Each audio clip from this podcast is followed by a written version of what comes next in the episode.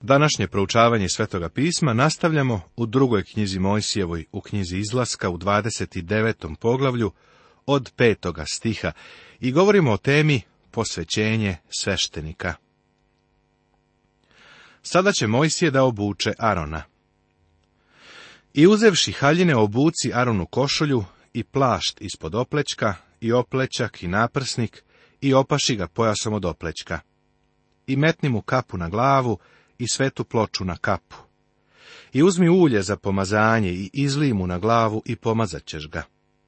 I sinove njegove dovedi i obuci im košulje. I opaši ih pojasima, Arona i sinove njegove, i metni im kape na glave, da imaju sveštenstvo uredbom večnom. Tako ćeš posvetiti ruke Aronu i sinovima njegovim. Posvećenje je nešto što radi Bog, a ne mi.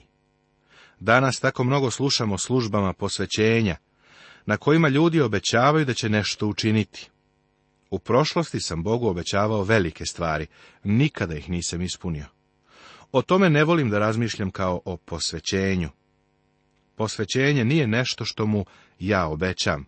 Umjesto toga, posvećenje je dolazak Bogu sa praznim rukama, priznajući mu svoje mane i nesposobnost da učinimo bilo šta, a zatim dopustimo Bogu da On učini sve ostalo.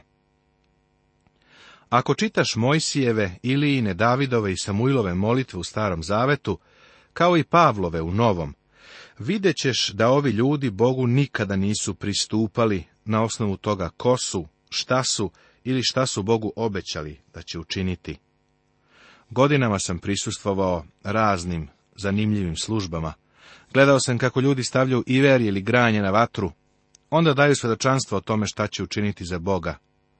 Na tim službama sam čuo toliko obećanja da je svet mogao već naopačke da se okrene za Boga. Nažalost, mnoga od tih obećanja ljudi nisu održali, jer mi u stvari i nemamo mnogo šta bismo mu ponudili, zar ne? Možda ti imaš nešto što bi mu ponudio, ali ja nemam. Stvar je u tome da njemu moramo doći praznih ruku i dozvoliti mu da ih on napuni. Žrtve posvećenja I dovedi tele pred šator od sastanka, a Aron i sinovi njegovi neka metnu ruke teletu na glavu. Prvosveštenik i njegova porodica bi stavljali ruke na tele. Mnogi ljudi veruju da polaganje ruku prenosi nešto magijsko ili duhovno, ali nije. To nije cilj polaganje ruku. Jedino što drugom čoveku možeš preneti polaganjem ruku jesu klice bolesti. Jedino se to prenosi. Polaganje ruku na životinju govori o identifikaciji. Kada je grešnik prilazio oltaru i stavljao ruke na glavu životinje koju je doneo, to je značilo da je životinja zauzimala njegovo mesto. U crkvi u kojoj sam mnogo godina služio, imali smo više od stotinu misionara. Kada su misionari odlazili na svoje misijsko polje, održavali smo službu posvećenja, da bismo tog misionara odvojili za službu. Na njih smo polagali naše ruke. Do sada na misionara nisam preneo ništa. Svrha te službe je bila identifikacija. Misionari su se identifikovali sa nama, izjednačavali i oni su nas predstavljali na misijskom polju. Ja smatram da kada jednom misionaru položim ruke na glavu, on se poistovećuje sa mnom, pa ja prema njemu imam izvesnu odgovornost, da se molim za njega i da ga podržavam. Ovo je smisao i značenje polaganje ruku. Tele je zauzimalo Aronovo mesto. Umreće umesto njega jer je on grešnik. To je žrtva paljenica. U trećoj knjizi Mojsijevoj Levitskoj knjizi detaljno ćemo obraditi ove žrtve. Čak je i u Edenskom vrtu postojala žrtva paljenica.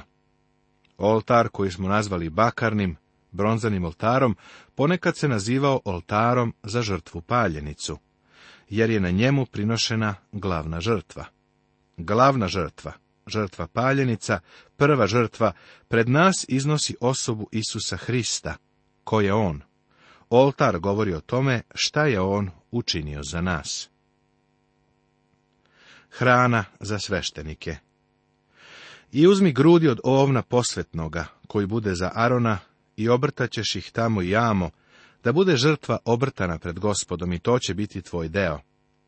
Tako ćeš osvetiti grudi od žrtve obrtane i pleće od žrtve podizane, što je obrtano i što je podizano od ovna posvetnoga za Arona i za sinove njegove. U trećoj knjizi Mojsijevoj u Levitskoj knjizi pronaći ćeš da je deo žrtve odlazio Aronu i sveštenicima. Bio je to njihov deo. Vidiš, Levitima u nasledstvu nije data nikakva zemlja za obrađivanje, ali ovo bio način na koji je Bog obezbedio njihovo izdržavanje. Leviti su imali da služe u šatoru od sastanka, a kasnije u hramu, pa su dobijali deo žrtve.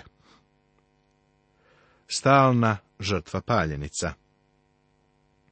Žrtva paljenice trebalo da se stalno prinosi. I ovo ćeš prinositi na oltaru. Dva jagnjeta od godine, svaki dan bez prekida. Jedno jagnje prinosi jutrom, a drugo prinosi večerom. I ošte desetinu efe pšeničnog brašna, smešana sa uljem ceđenim, kojega da bude četvrt ina, i nalje vina četvrt ina na jedno jagnje. Sljedeća knjiga, treća knjiga Mojsijeva je opet knjiga koja nam pruža detalje o stalnoj žrtvi paljenici. Ova žrtva je bila svakodnevna. Jagnje se prinosilo ujutru i uveče. Ovo govori o činjenici da je ljudima stalno bio potreban podsjetnik na to, da je bio neophodan neko ko će zauzeti njihovo mesto i da je plata za greh bila smrt. Za greh je moralo da se prolije krv. Jevrejima poslanica nam iznosi ovu istinu. Jer bi u tom slučaju trebalo da mnogo puta postrada od postanja sveta. Sada pak, na svršetku vekova, on se javio jedanput, da svojom žrtvom ukloni greh, piše u poslanici Jevrejima u devetom poglavlju. Ovaj stih, naravno, govori o žrtvi gospoda Isusa Hrista. Krv teladi, jaraca i jagnjadi nije mogla da ukloni tvoj greh, ali krv Isusa Hrista može. Njegova žrtva je dovoljna. Gospod je na pravi način postupio sa grehom. Umro je samo jednom. Jednom na kraju veka on se pojavio da ukloni greh žrtvujući samoga sebe. Poglavlje 30. Tema Bogosluženje Kad Kadioni oltar ovo je veliko poglavlje o bogosluženju. Posmatrajući prvi deo šatora od sastanka, svetinju, videli smo u njemu tri stvari. Sve tri govore o obožavanju Boga i bogosluženju. Već smo razmatrali svećnjak ili postolje za svetiljke, kao i sto sa postavljenim hlebovima. Ali ovdje je postojao još jedan oltar. To je oltar Kadioni. Sto sa postavljenim hlebovima i svećnjak simbolično prikazuju Boži narod, koji se okuplja i ima zajedništvo. Ovo nije kada se okupite i ogovarate, nego kada se okupite i hranite se Isusom Hristom. To je gozba. Kadioni oltar je mesto molitve. Još te načini oltar kadioni, od drveta sitima načini ga. Dužina neka mu bude lakat i širina lakat, uglast da bude i dva lakta visok, iz njega neka mu izlaze rogovi. Ova uputstva nam govore da je to bio mali oltar. I pokuji ga čistim zlatom, ozgo sa strana unaokolo i rogove njegove, i načini mu venac zlatan unaokolo. I načini mu po dva beočuga zlatna, ispod venca, na dva ugla njegova sa obe strane, i kroz njih ćeš provući poluge da se može nositi. Čak je i ovaj mali deo opreme imao obruče i poluge, koje su se kroz njih provlačile, da bi oltar mogao da se nosi na ramenima sveštenika. U knjizi brojeva, u četvrtoj knjizi Mojsijevoj, kazano nam je da su na putovanju kroz pustinju leviti nosili ovaj deo opreme za šator. I metni ga pred zaves koji visi pred kovčegom od svedočanstva prema zaklopcu, koji je nad svedočanstvom, gde ću se s tobom sastajati. Ovaj oltar je bio stavljen neposredno iza zavese, a kovčeg zavete i poklopac pomirenja bili su sa druge strane zavese. Bio je postavljen u svetinji, mestu molitve i bogosluženja. I neka kadi na njemu Aron kadom mirisnim. Svako jutro neka kadi kad, spremi žiške, i kad zapali Aron Žiške uveče, neka kadi. Neka bude kad svagdašnji pred gospodom od kolena do kolena vašega. Ovo nije bio oltar za žrtve. Ne prinosite na njemu kada tuđega, niti žrtve paljenice, niti prinosa, ni naleva ne levajte na njemu. Na ovaj oltar je mogao da se stavlja samo kad, i to određena vrsta kada. Sveštenici su trebali da uđu unutra i da zapale kad svaki put kada su palili svetiljke na svećnjaku. Oltar ukazuje na molitvu, a to znamo jer Biblija na mnogim mestima kao simbol molitve i slavljenja koristi kad. Car David, na primjer u psalmu 141. u drugom stihu kaže, nek iziđe molitva moja kao kad pred lice tvoje. Knjiga otkrivenja Svetoga pisma Novog Zaveta nam daje ovakvu sliku kada. I dođe drugi anđeo sa zlatnom kadionicom, pa stade kod žrtvenika i dade mu se mnogo tamjana, da ga za molitve svih svetih prinese na zlatni žrtvenik pred prestolom. Evanđelje po Luki, prvo poglavi nam kaže da po običaju sveštenstva pade na njega na Zahariju kocka, da uđe u hram gospodnji i okadi. Zaharija je bio pripadnik Levijevog plemena i služio je u hramu. Služio je kod kadionog oltara, kako navodi ovaj stih, i to je bilo vreme molitve. Doktor Luka hronološki otvara novi zavet sa Zaharijom kod kadionog oltara. Drugim rečima, Bog je kod kadionog oltara prekinuo svoje čutanje dugo 400 godina. Tu je Zahariji dao poruku. Kad je prema tome slika gospoda Isusa Hrista, našeg zastupnika. Aron je služio na tom mestu bogosluženja i obožavanja, pa je i Aron na neki specifičan način slika Hrista, iako je Hristos sveštenik po redu Melhisedekovom. Ovo pišu u poslanici Jevrejima u sedmom poglavlju. A u devetom poglavlju poslanice Jevrejima pronalazimo nešto neobično i oltar je smešten u svetinju nad svetinjama. Kao da pisac poslanice jevrejima nije znao gde ovaj oltar pripada. Zašto ga je smestio u svetinju na svetinjama umesto u svetinju, kao što piše u drugoj knjizi Mojsjevoj, u knjizi Izlaska? Zato što kada je on pisao poslanicu, zavesa se već bila pocepala na dvoje. Hristos je sebe već bio prineo na žrtvu, Njegovo telo je već bilo slomljeno za nas i umro je na krstu. Ali ponovo se vazneo na nebo, pa je kadioni oltar danas na nebu. Bogu prilazimo kroz Isusa Hrista. On je naš veliki zastupnik. Hristos je u nebu, a oltar govori o mestu na kome on stoji. Kada Bogu dođemo u molitvi, dolazimo mu kroz gospoda Isusa Hrista. Čuo sam mnoge, kako govore, sada kada sam spasen, direktno pristupam Bogu. Ne, ne možeš. Bogu prilaziš kroz Hrista. On je taj koji nas dovodi u prisutnost Božiju. Hristos u nebu moli se za nas. Za Izraelce je bilo divno što su znali da u šatoru od sastanka imaju prvosveštenika, koji se kod kadionog oltara molio za njih. Za nas je divno što znamo da se Isus Hristos, naš prvosveštenik, moli za nas. Hristos se ne moli za svet. Da li si to znao? U svojoj prvosvešteničkoj molitvi on kaže, za njih se molim. Ne molim se za svet, nego za one koje si mi dao, jer su tvoji. Možda ćeš zapitati, zašto se ne moli za svet? Isus Hristos je umro za svet. A duh sveti je sada ovde dole na zemlji da Hristovu žrtvu učini stvarnom onima koji će ga primiti. Hristos nije mogao ništa više učiniti nego što je učinio. Umro je za grehe sveta. Sada je u nebu i moli se za one koji su ga primili kao spasitelja. Srećan sam zbog toga, jer da to ne čini, mi na zemlji ne bismo mogli mnogo postići. Kako je dragoceno imati prvosveštenika koji se moli za nas. Bog čuje naše molitve zbog toga ko je Hristos i šta je učinio za nas na krstu.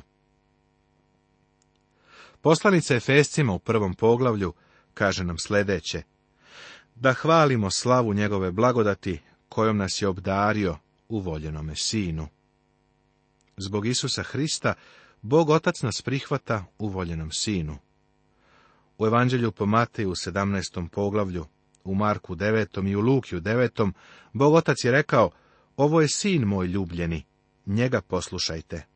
Ovo je moj izabrani sin, njega slušajte, kaže drugi prevod. Mi ne samo da treba da ga slušamo, nego se kroz njega i molimo. Isus Hristos nam je rekao u Jovanu u 14. poglavlju, ako me što zamolite u moje ime, ja ću učiniti. To znači, moliti se u duhu. Zapazit ćeš da je ovaj oltar odvojen od ostalih stvari u šatoru. Samo su sveštenici ovdje mogli da se mole. Čak i car Osija bio pogođen gubom kada je pokušao da se tu nametne. I danas samo sveštenici mogu da se mole. Ali svaki onaj koji iskreno veruju Hrista jeste sveštenik. Danas se tako mnogo sentimentalnih besmislica govori o tome da jedna osoba može da vodi bilo kakvu vrstu grešnog života koji mu odgovara, može odbacivati Hrista, a onda u nevolji, vjerovatno onda kada je majka u bolnici, ovakav bezbožnik se spusti na kolena pred Bogom i onda očekuje odgovor. Filmovi su prikazivali ovakve scene, a i neki sentimentalni propovednici govore da se takve stvari dešavaju. Međutim, Bog kaže da na ovakve molitve neće odgovarati. Prijatelju, budimo vrlo pažljivi u vezi sa ovim. i oltar je mesto na koje idu sveštenici.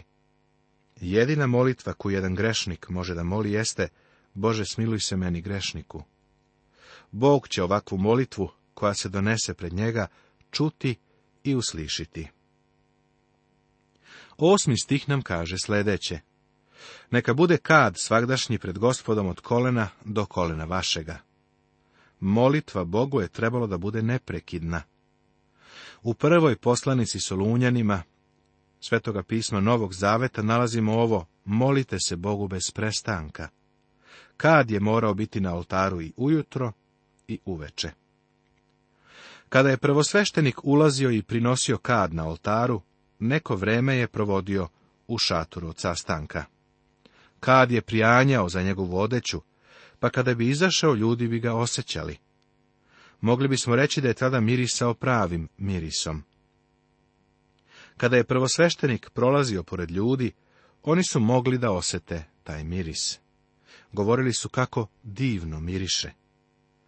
Nevolja sa mnogim pobožnim ljudima danas je da ne mirišu pravim mirisom.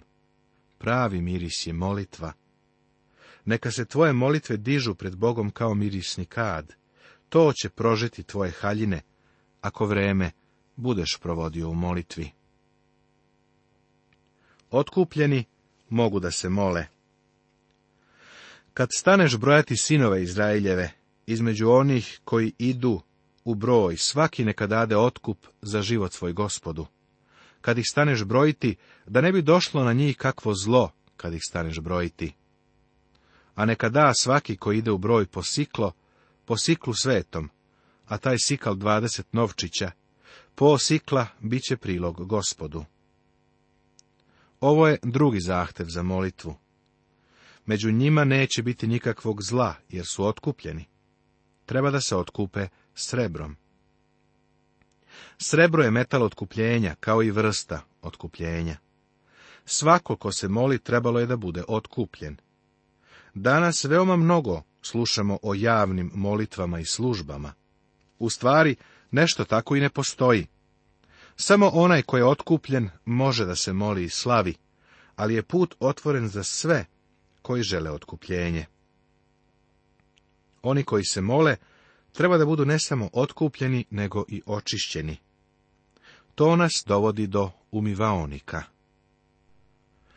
Umivaonik je bio postavljen u spoljašnjem tremu i bio je napravljen od bronze, kao i bronzani oltar.